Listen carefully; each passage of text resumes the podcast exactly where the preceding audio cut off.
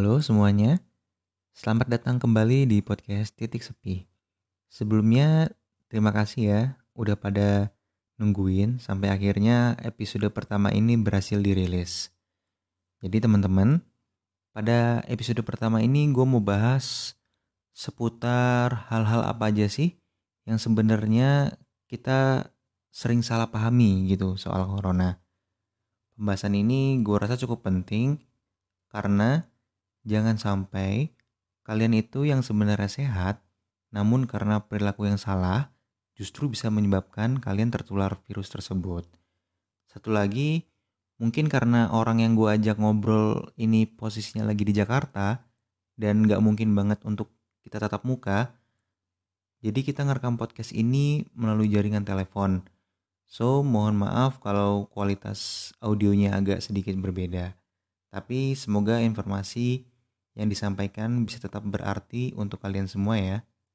Selamat mendengarkan podcast Titik Sepi, mencari arti melalui sunyi.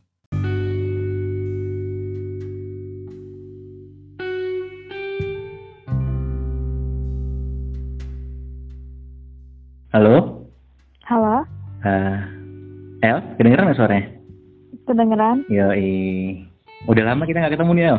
Gimana kabarnya? Iya, alhamdulillah baik. Kakak gimana? Alhamdulillah baik. Kita terakhir ketemu kapan ya? Kapan ya? 2019. Setahun yang lalu dong. iya, setahun yang lalu. Oke. Mungkin El bisa sapa dulu nih para pendengarnya. Wah, halo semua. Kenalin, aku El dari Fakultas Kedokteran UIN. Apalagi nih? Uh, kesibukannya, kesibukannya.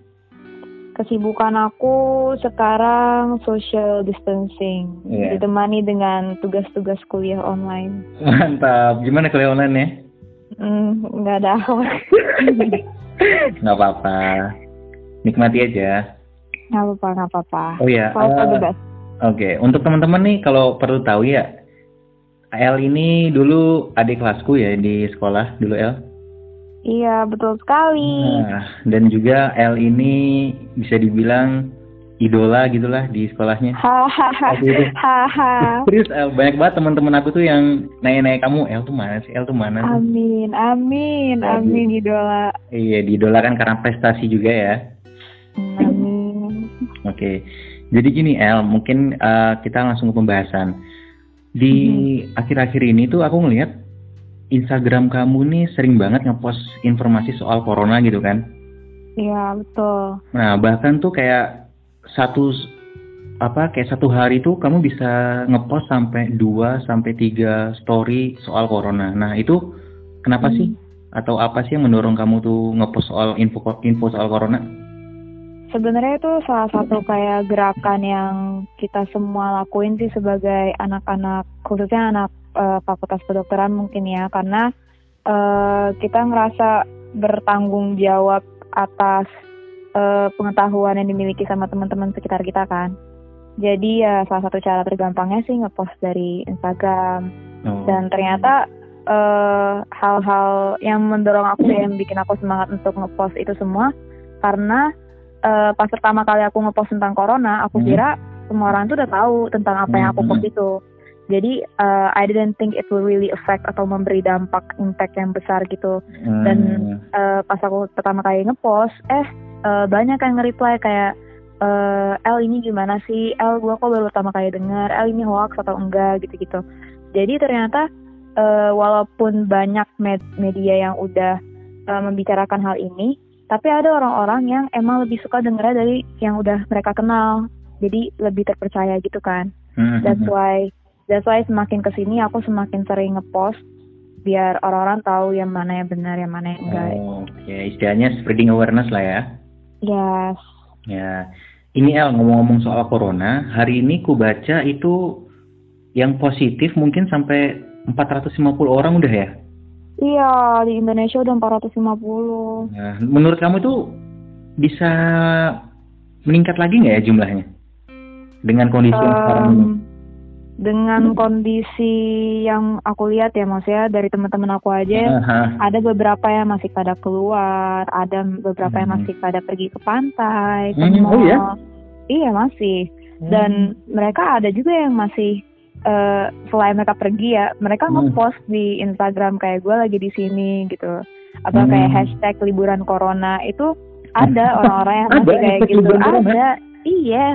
Nah, yang kayak gitu tuh eh, it's just really funny gitu kan kayak eh, yang lain lagi menjalankan hari-hari karantina dan lu malah keluar-keluaran gitu kan. Hmm. Padahal eh, kemarin tuh Indonesia sempat menduduki fatality rate paling tinggi loh sedunia. Oh ya? Itu iya fatality rate itu kan artinya dia tingkat kematiannya tuh tinggi kan. Hmm. Jadi lumayan cukup berbahaya. Itu cara ngitungnya gampang banget. Jadi kan misalnya di Indonesia sekarang ada 450 kasus positif yang udah ketahuan kan. Ah, Terus yang meninggalnya itu ada 38 orang misalnya. Oke. Nah, berarti fatality rate-nya itu 38 bagi 450 kali 100. Jadi sekarang persentasenya itu 8,4 persen. Cukup tinggi berarti ya? cukup tinggi banget, Hmm. banget. Iya iya iya. Emang banyak sih kayak di teman-teman kita tuh kayak like nothing happen gitu ya? Iya, Ah, orang so- masih banyak yang suka ngomong kayak it's just a virus, it'll go away gitu-gitu. iya sih. Soalnya ini menurut teman-temanku L ya. Mhm. Kayak bener nggak sih eh, ada informasi nih kalau virus corona itu cuman bisa nularin ke orang yang umur 40 sampai 60 tahun ke atas gitu. Jadi seumuran kita nih kayak orang-orang kuliah, ABG ABG itu yang umur 20 tahunan itu nggak bisa Mhm. tertular gitu. Nah, menurutmu Um, gimana? mungkin itu salah kali ya cara penyampaiannya nggak bisa tertular. Kalau misalnya tertularnya sih bisa kita yang kayak malah tuh eh, kan eh, Korea Korea Selatan udah melakukan penelitian dan lain-lain Hmm? itu Korsel dan Itali itu udah melakukan penelitian bahwa ternyata kebanyakan anak-anak yang positif eh, corona itu malah yang berumur 20-an kayak kita-kita ini yang ABG-ABG yang masih muda masih kuat ini. Ah, ah, ah. mereka positif corona tapi tidak bergejala. Jadi mereka Oh. nggak ngerasa sakit nggak ada demam. Mereka masih menjalani hidup seperti biasa ketemu teman-temannya. Tapi mereka positif. Jadi nggak semua orang yang istilahnya dia carrier atau positif corona itu punya gejala gitu? iya ada yang benar-benar sehat kak benar-benar nggak ngerasa apa-apa Oh iya? iya jadi Hmm. eh, kayak makanya makanya kenapa begitu pentingnya stay at home Hmm? karena orang-orang yang nggak bergejala ini tapi mereka eh, membawa virus jatuhnya mereka kayak spreader Ah, itu kan eh, virus ini sebenarnya paling bahaya untuk orang-orang yang udah 40 tahun ke atas. Ya. Nah, atau orang-orang yang punya penyakit bawaan kayak diabetes mellitus, kayak kencing manis atau misalnya hipertensi dan lain-lain. Hmm. Itu mereka lebih rentan kena eh, eh, penyakit-penyakit dan eh, lebih tinggi angka kematiannya. Nah, Hmm. Kita-kita ini yang Hmm. spreader yang udah kayak misalnya 20-an tapi eh, kita nggak ngerasa apa-apa. Nah, kita ketemu sama orang tua nih kayak gini atau orang yang lagi lemah imunitasnya, Mhm, mhm. itu kita jadi threat bagi dia, ancaman bagi dia karena kita nggak ngerasa apa-apa, tapi ternyata kita yang ngebawa penyakit ke dia. Hmm. Itu kenapa eh, hashtag di rumah aja tuh penting banget tuh karena itu. Jadi nggak berarti kalau kita itu ngerasa sehat, kayak kita itu nggak pilek, kita nggak batuk, kita nggak demam, bukan berarti kita itu sehat dari corona gitu ya? Enggak, ada Hmm. bisa aja eh, kakak nggak nggak merasa apa-apa sama sekali, Hmm. tapi kakak sebenarnya positif. Tapi dengan cara kakak netep di rumah, Mhm. ntar kakak eh, imunitas tubuh kakak tuh menyembuhkan corona dengan sendirinya. Jadi ada Hmm. penelitian juga bahwa ada Hmm. beberapa yang positif nih, itu dia sembuh dengan sendiri tanpa intensive care. Hmm. Kalau imunitas tubuh kita kuat. Iya iya Oh. iya iya. Seenggaknya kita eh, dengan social distancing itu apa istilahnya El? Social distancing. Nah, social distancing itu kita selain jaga diri kita, kita juga jaga orang lain biar nggak tertular gitu ya. Iya betul banget. Jadi Oke. sebenarnya social distancing itu bukan berarti kita nggak kangen atau kita Hmm, nggak hmm. peduli sama orang itu. Malah dengan cara kita social distancing tetap di rumah masing-masing itu eh, cara kita memperlihatkan bahwa kita tuh peduli sama orang yang kita sayang. Iya, bener banget. Apalagi nih, El, eh, mungkin El merhatiin nih yang istilahnya bucin-bucin nih pacaran Nah, juga nah. di tengah Iya betul banget. itu tuh yang aneh setelah udah kuliah di liburin nih. Tiba-tiba semua teman-teman gue yang pada pacaran pergi Ah. ke mall. Ay. Waduh. berarti itu kalau apa istilahnya pasangan yang nyamperin pacarnya itu nggak sayang berarti sama pacarnya ya? Iya berarti berarti dia nggak mikirin tuh. Oke oke, ini lanjut nih El. Kan Mhm. eh, mungkin dulu sebelum corona ini merebak di Indonesia waktu itu belum masuk mungkin ya, belum terdeteksi. Ya. masih oke lah, masih berjalan seperti biasanya. Nah, setelah itu kan pertama kalau nggak salah ada dua kasus ya awal ya. Iya benar banget. Nah, setelah dua kasus awal itu, ini serius banget nih pengalaman aku pribadi, itu hand, mulai dari hand sanitizer, masker, tisu basah, itu bener-bener habis gitu di apotek. Bahkan kan aku iseng nih ya. Serius, serius nih. aku iseng nih. Aku iseng waktu itu sekitar tiga hari setelah berita itu keluar, aku tuh iseng dari rumah dari dekat kosku ini sampai eh, sekitar 12 kilo gitu. Aku mampir ke setiap apotik dan itu di depan setiap apotiknya ada tulisan masker dan hand, hand sanitizer tuh habis. Gila. Emang kayak gitu sih. Serius, serius. Nah, itu Iya. kan bener nggak sih? Kita itu butuh banget, eh, khususnya kita ya, mungkin yang masih merasa sehat itu butuh banget pakai masker gitu. Hmm. Oke, mungkin untuk klarifikasi aja kali ya. Sebenarnya Ya. aku juga ngalamin hal yang sama sih yang awalnya Mhm. eh, sebelum COVID-19 nih masuk ke Indonesia itu Oke. eh, Alfa Midi sebelah rumah aku tuh ya lengkap gitu loh barang-barang Ah, dan ah. lain-lain. Tapi tiba-tiba eh, kasus COVID-19 masuk ke Indonesia sampai makanan-makanan instan pun berkurang di Alfa Midi sebelah rumah aku kayak orang-orang udah pada mulai nimbun gitu kayak Hmm. kayak kayak kayak apokalips zombie tau gak sih ngeliatnya? Iya iya Terus, iya. dan Iya, itu iya. ya udah kan eh, aku cerita ke mama terus pokoknya ternyata oh ada kasus dan lain-lain. Nah sebenarnya sih eh, masalah panic buying ya istilahnya Eh, kayak orang-orang tuh beli secara berlebihan Mhm, padahal mhm, mereka nggak begitu perlu. Mhm, mungkin dari masker dulu ya mhm. untuk masker sebenarnya yang perlu pakai masker itu hanya orang sakit sama orang yang merawat orang sakit itu jadi eh, orang yang sehat sebenarnya nggak efektif kalau misalnya dia pakai masker apalagi kalau misalnya dia nggak tahu cara pakai masker yang benar tuh kayak gimana Hmm. kayak aku tuh paling sebel deh kalau misalnya ngeliat orang nimbun masker banyak Hmm? tapi dia cara makainya aja salah kak Malah nggak Jadi- efektif ya? iya malah nggak efektif kan eh, tujuan kita pakai masker dalam eh, maksudnya eh, wabah ini tuh biar kita nggak terkena virus kan biar nggak ada Mhm. droplet yang masuk ke Hmm. daerah mulut kita nah Hmm. eh, ada orang-orang nih yang udah beli masker banyak sampai tim medis pun kekurangan masker padahal Hmm, mereka tuh butuh masker itu untuk melindungi diri untuk ketemu sama orang yang emang udah terinfeksi gitu kan Oke. Nah, ada nih orang-orang yang pakai maskernya tuh kan bagian luarnya tuh kotor kan seharusnya. Maksudnya kalau misalnya kita pakai logika, bagian luar depannya itu itu yang kotor yang ada virusnya, ada bakterinya dan kotoran debu-debunya gitu-gitu kan. Hmm. Pas lagi nyopot atau misalnya kita pakai masker, kadang kita cenderung lebih sering ngebenerin posisi maskernya kan. Benar banget, benar itu, banget tuh. itu itu dipegang pakai tangan. Nah, setelah dipegang pakai tangan, dibenerin, dia ngucek-ngucek mata. Oh, pas lagi- iya iya iya bener banget tuh bener eh pas lagi makan misalnya dia turunin tapi turuninnya eh, dari megang depannya diturunin Hmm. baru dia makan pakai tangan.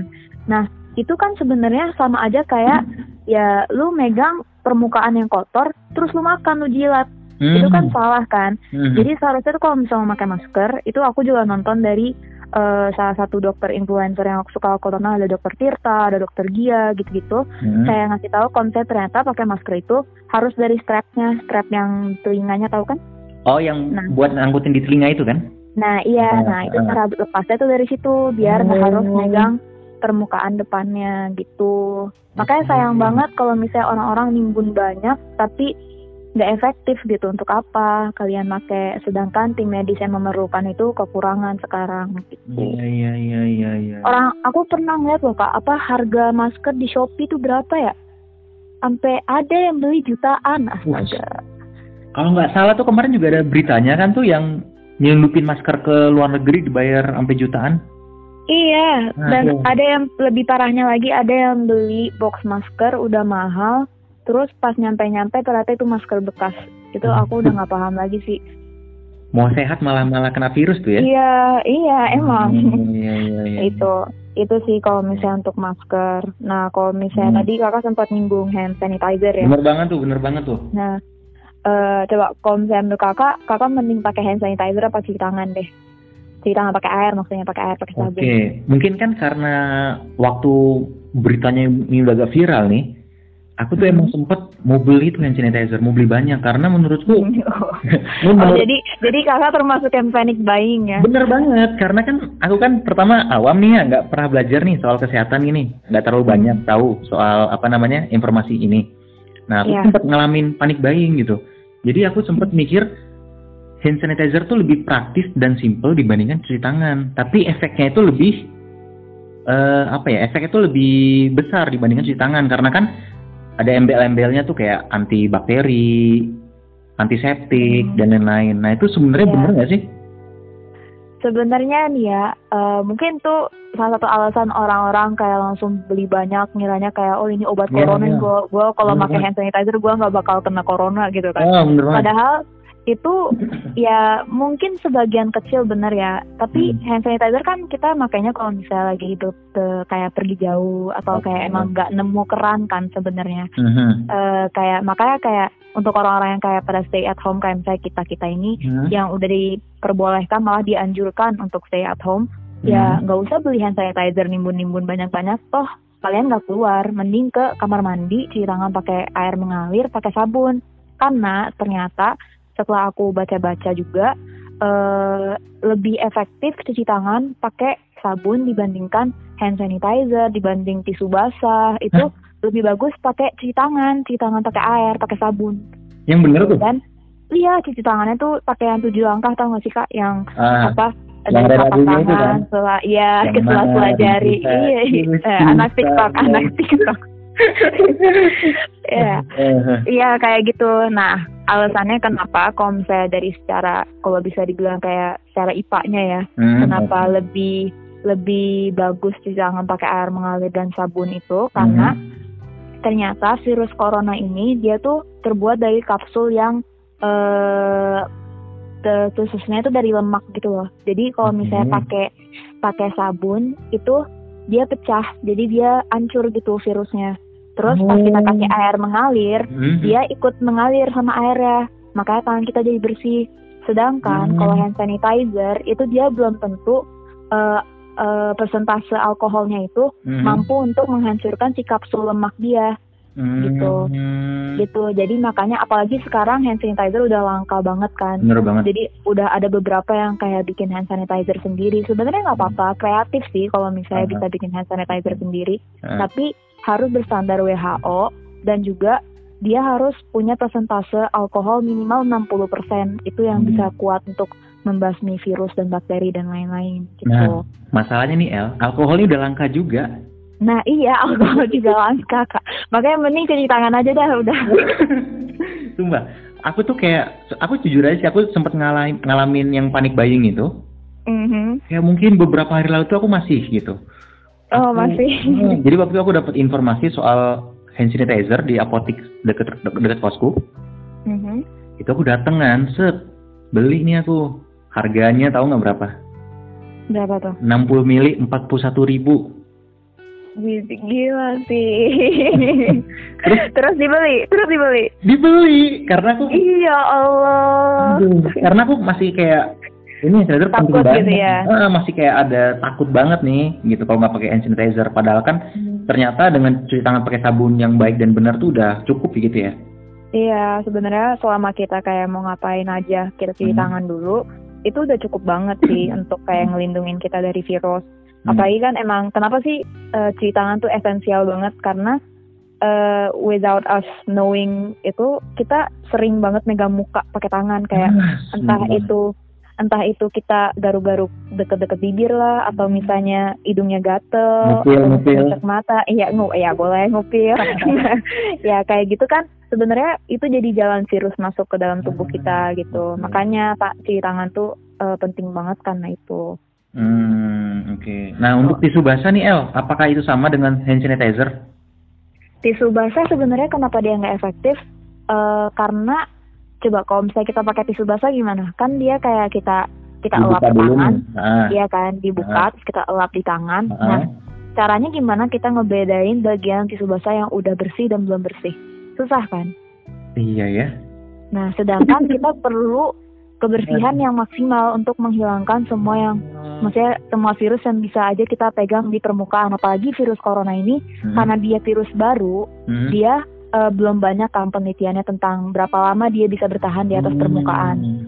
Nah, oke. Eh, si virus corona ini kan dia menyebarnya lewat ini kan droplet Hmm. nah Apa tuh? ketika Apa misalnya ya? orang droplet droplet apa tuh tuh? droplet tuh kayak tetesan apa ya kalau misalnya orang batuk Oh, ah, yang ah, keluar tuh ah. droplet. Nah, Ah, ya itu tuh.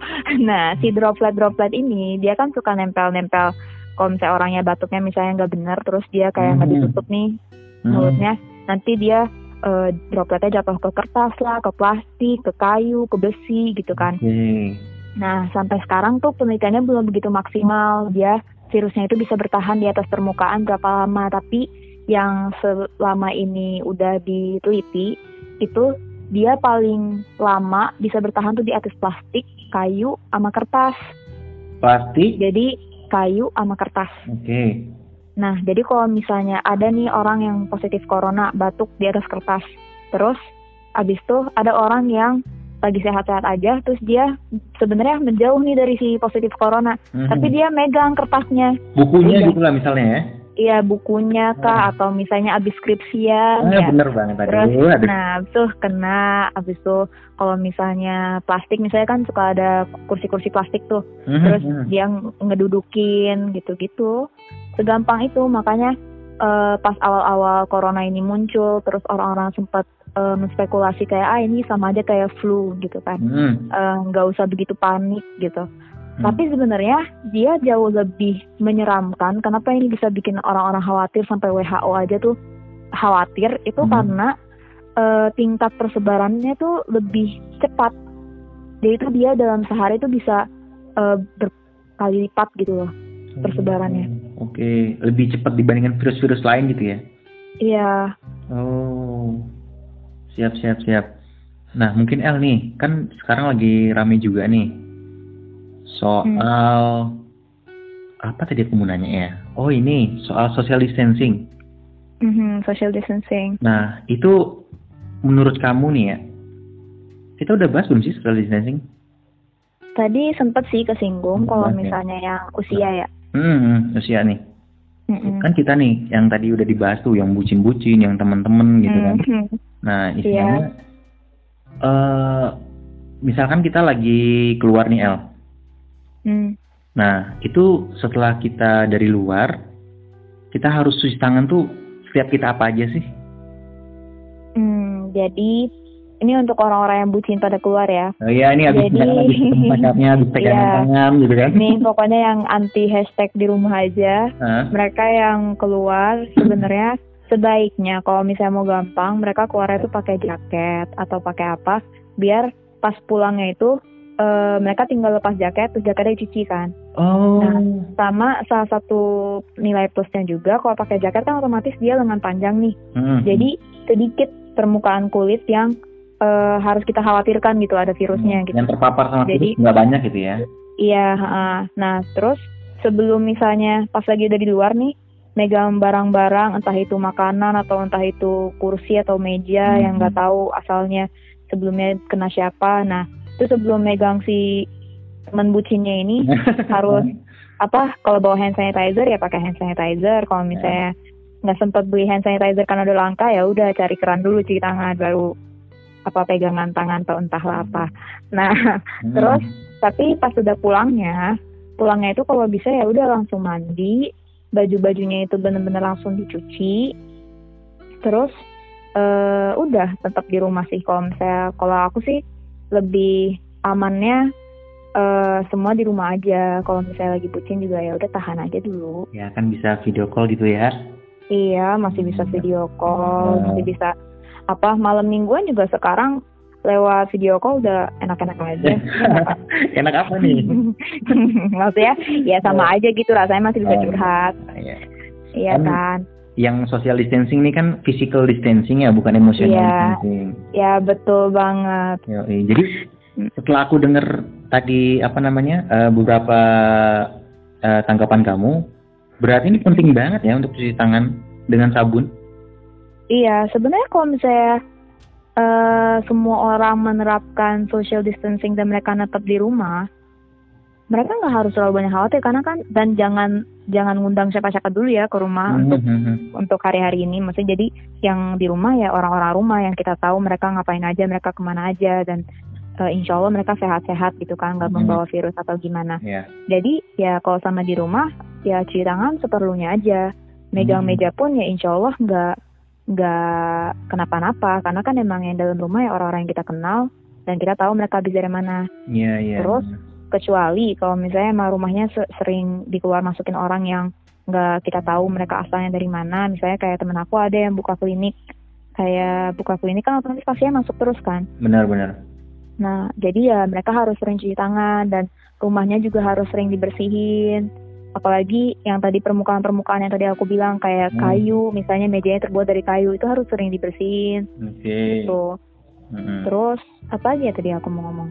Em, udah sih itu aja sama walaupun misalnya social distancing, eh, kan kita nggak tahu ya virus ini kan kita nggak bisa melihat dengan mata telanjang ya. Ah, Jadi imunitas tubuh kita selama wabah ini masih ada harus tetap tinggi kak. Jadi walaupun kita di Hmm. dalam rumah, kalau mm. bisa tetap olahraga, tetap mengonsumsi makanan yang bergizi, buah-buahan, sayur-sayuran. Kayak Hmm. jangan sampai social distancing di rumah tuh rebahan, Ya.